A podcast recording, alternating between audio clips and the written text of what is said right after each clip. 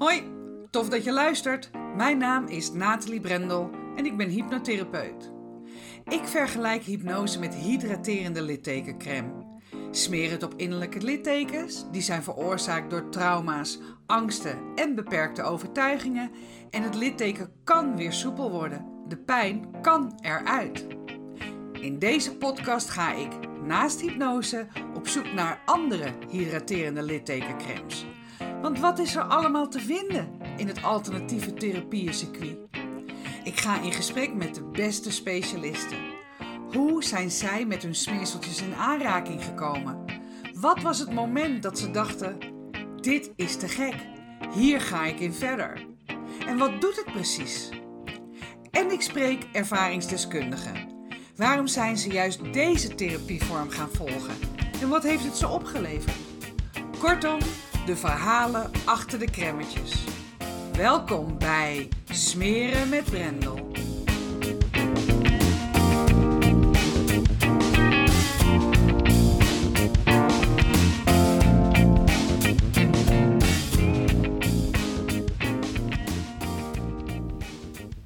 Podcast nummer 25. En ik heb mezelf voorgenomen dat dit een one-taker wordt. Want de vorige podcast duurde zo lang voor mij om samen te stellen. Dat was echt niet grappig meer. Dat leek echt op werk op een gegeven moment. En ik, ehm, ik weet niet waardoor het kwam. Misschien omdat ik praatte over het brein en omdat ik praatte over mijn cliënten. Dan wil je het goed overbrengen. Maar ehm, nou ja, dat duurde gewoon echt uh, te lang. Dus ehm, dit is van het begin tot het eind in één keer opgenomen.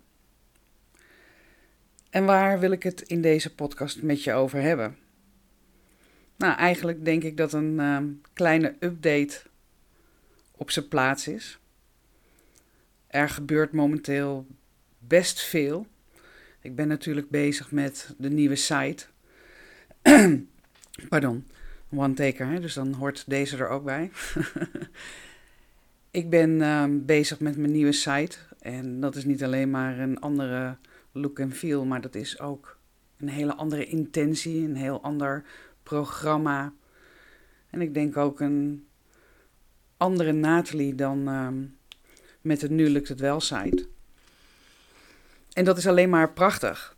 En toen ik het eerste resultaat uh, terugkreeg, um, ja, voelde ik het nog niet echt, omdat ik het uh, ja, te eendimensionaal vond. Ik vond dat er nog te weinig in zat ehm, wat, ik, wat ik voor mijn cliënten uh, kan betekenen.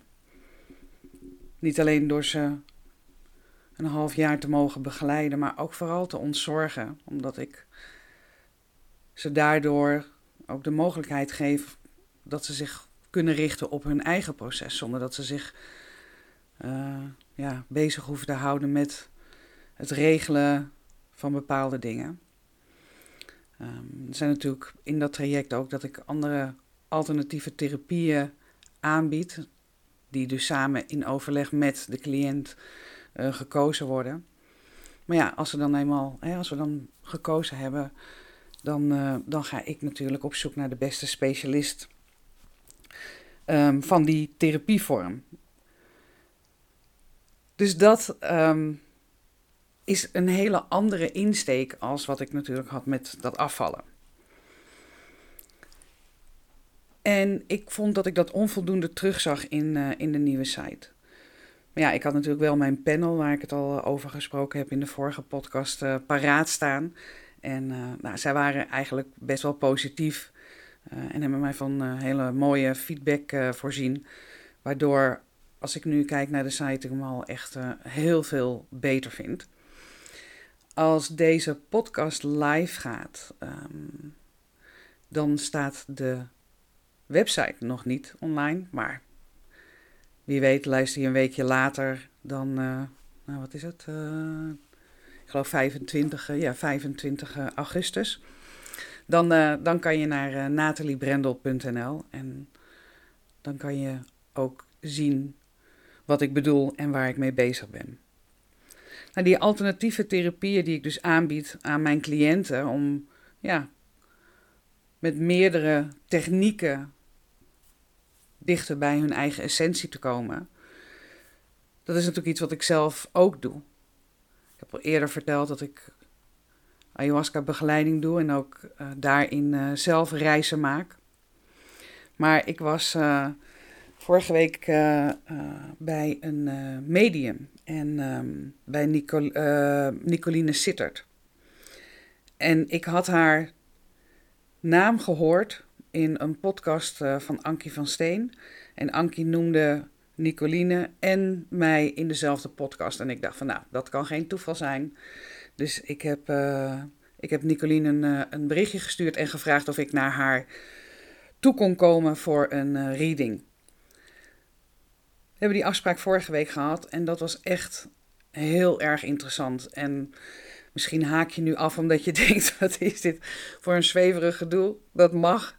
Maar ja, ik nodig je uit. Um, wees nieuwsgierig, laat je verrassen. En um, wie weet pik je er wat van op. Want wat voor mij in ieder geval wel als een uh, rode draad uit, dat van, uit, uit die reading kwam, was dat ik, um, wat, dat ik, dat ik, al, dat ik er al ben. Dat ik al oké ben zoals ik ben nu, hoe ik functioneer. Dat het al goed is en dat ik meer in die ja, ontspanning mag gaan zitten, in die flow.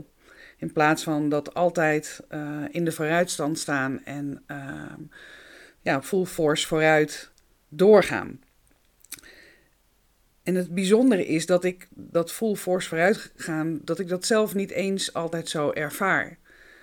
Um, maar ik sprak vorige week een vriendinnetje en die zegt tegen mij van ja, ik, jij doet in twee jaar waar ik 15 jaar over gedaan heb, Nathalie.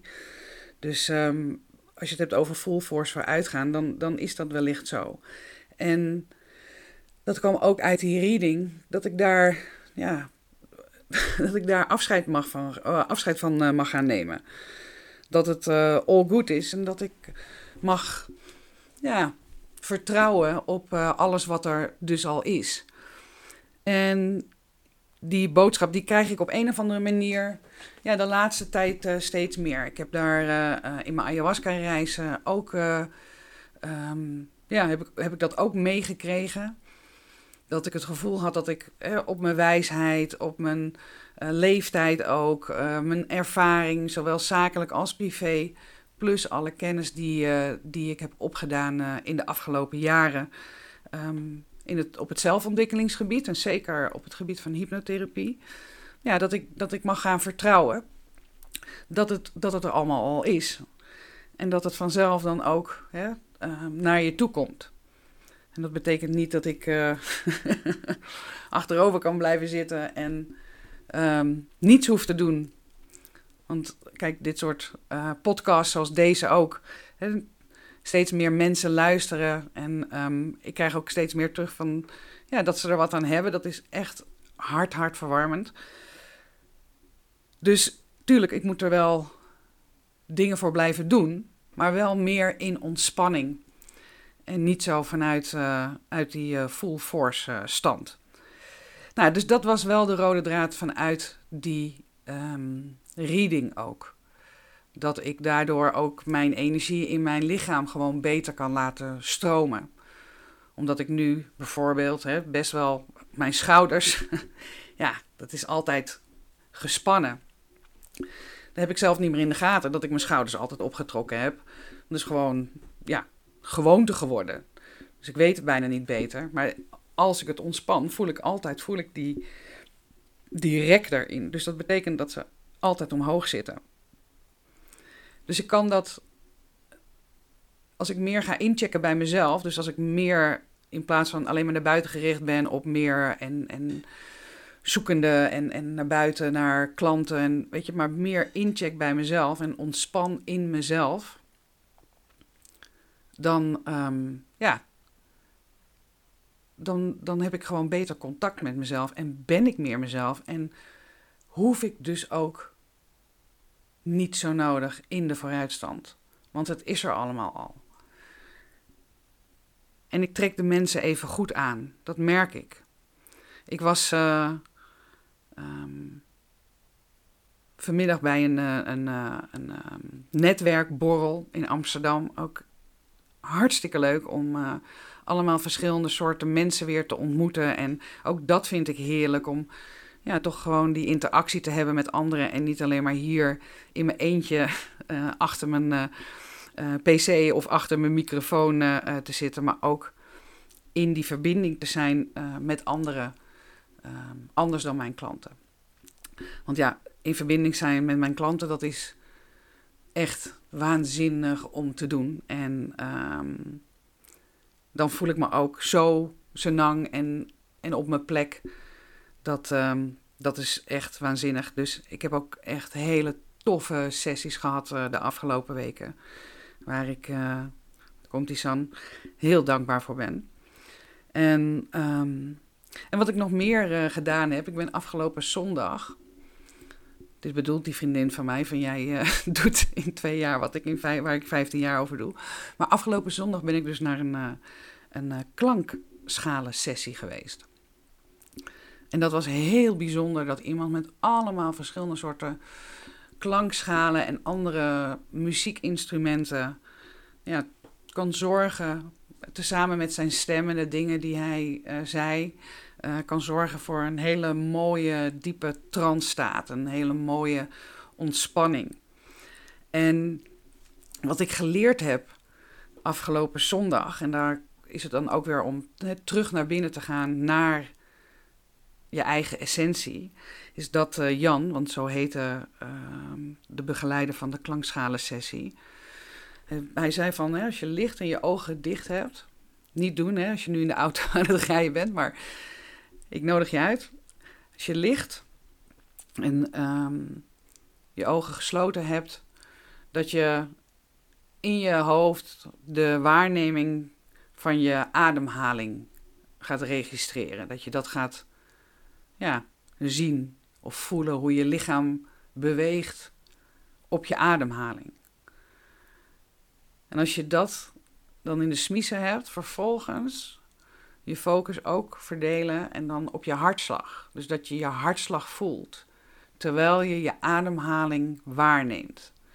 En je kan je hartslag bijvoorbeeld goed horen of voelen, neem me niet kwalijk, horen, voelen in je oksel. Maar hij zei ook, je kan je hartslag goed voelen in je lippen.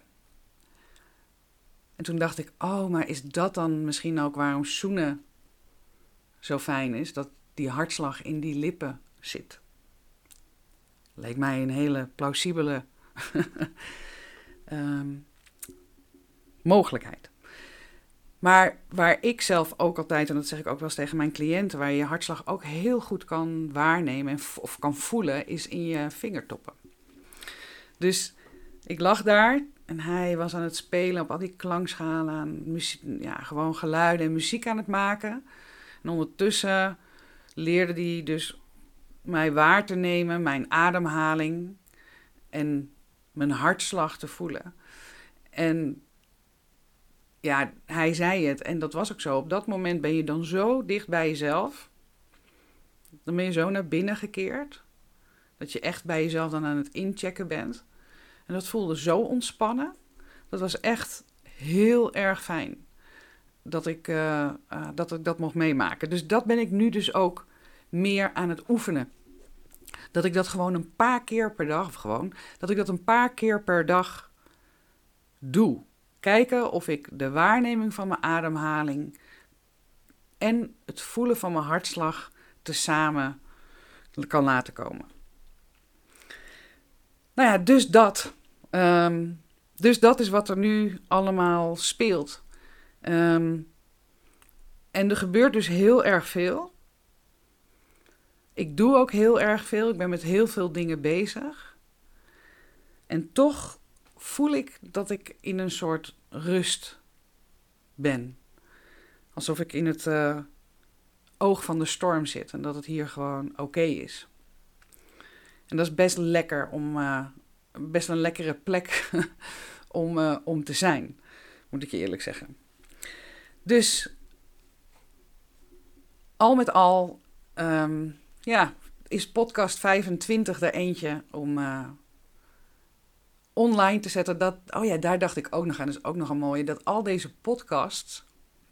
Ik bedoel, ik heb één bandje van mijn vader. Een cassettebandje.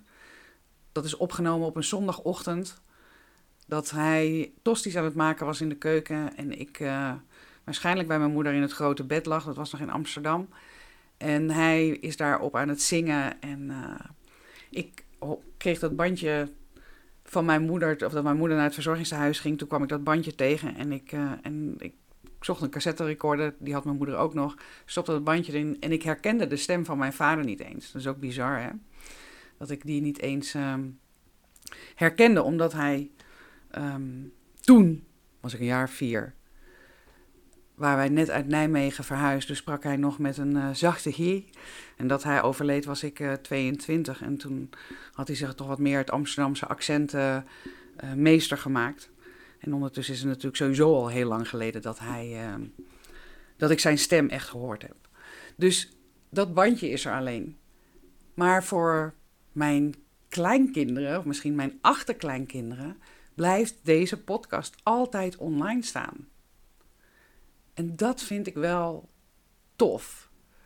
Als je kijkt naar trauma's bijvoorbeeld, dat kan wel zeven generaties teruggaan. En zoals mijn ouders komen uit de Tweede Wereldoorlog, die hebben genoeg trauma meegemaakt. Mijn opa's en oma's zo niet nog meer. En ik weet helemaal niets uh, eigenlijk van ze. Zeker van mijn vader niet. Er is zo weinig van bekend.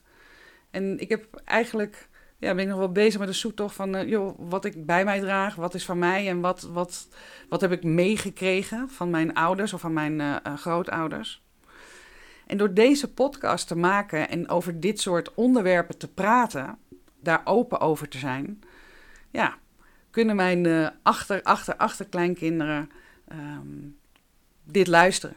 En kijken waar trauma stopt of waar het doorging. In ieder geval is er dan over hun over, over overgrootmoeder heel veel bekend. In ieder geval in deze periode van, uh, van haar leven. Nou ja, dat gezegd hebbende zijn we nu uh, bijna 20 minuten verder. Dus ik uh, ga er mee stoppen voor nu. En ik wens je een hele mooie dag. Bedankt voor het luisteren naar Smeren met Brendel. Vond je dit een toffe podcast? Laat dat dan vooral weten door een 5-sterren review achter te laten. En ken je iemand die deze podcast vast ook interessant vindt? Dan zou ik het waanzinnig waarderen wanneer je hem deelt. Wil je het direct weten als de volgende podcast Smeren met Brendel klaar staat?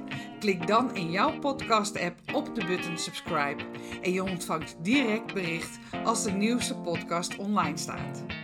In de Spotify-app kan je zowel het beoordelen als het delen en het volgen van deze podcast heel eenvoudig regelen door op de drie puntjes te klikken. Super bedankt!